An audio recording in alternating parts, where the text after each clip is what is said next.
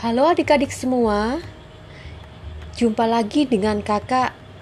Kali ini kakak ingin bercerita tentang dongeng angin utara dan matahari. Selamat menikmati.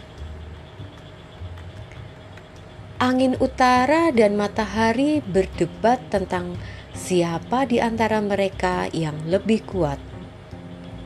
Sementara mereka berdebat dengan hebat, Seorang pengembara berjalan melewati suatu jalan dengan badan terbungkus jubah. Mari kita buktikan, kata matahari, bahwa yang terkuat di antara kita adalah siapa yang bisa membuat pengembara itu membuka jubahnya. Baiklah, kata angin utara. Dan seketika itu juga ia meniupkan angin kencang yang dingin kepada pengembara itu.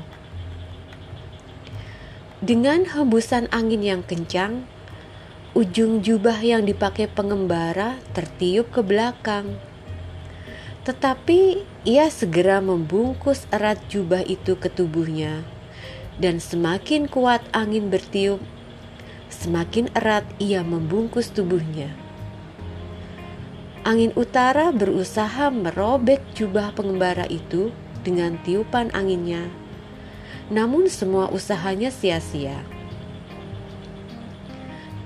Tibalah giliran matahari. Matahari mulai memancarkan sinarnya. Pada awalnya, sinar yang dia keluarkan cukup lembut, dan dalam sekejap kehangatan menggantikan rasa dingin dari angin utara. Sang pengembara kemudian melonggarkan jubahnya dan membiarkannya tergantung dari bahunya. Sinar matahari kemudian bersinar lebih terik lagi dan makin terik. Pria itu kemudian melepaskan topinya dan mengusap alisnya yang basah oleh keringat. Akhirnya ia menjadi kepanasan, sehingga ia melepaskan jubahnya, dan untuk menghindari sinar matahari yang terik, ia berteduh di bawah naungan bayangan pohon di pinggir jalan. Adik-adik semuanya, pembelajaran yang dapat kita teladani dari dongeng angin utara dan matahari kali ini adalah kelembutan akan mengalahkan kekerasan. Demikian kisah kali ini kakak ceritakan.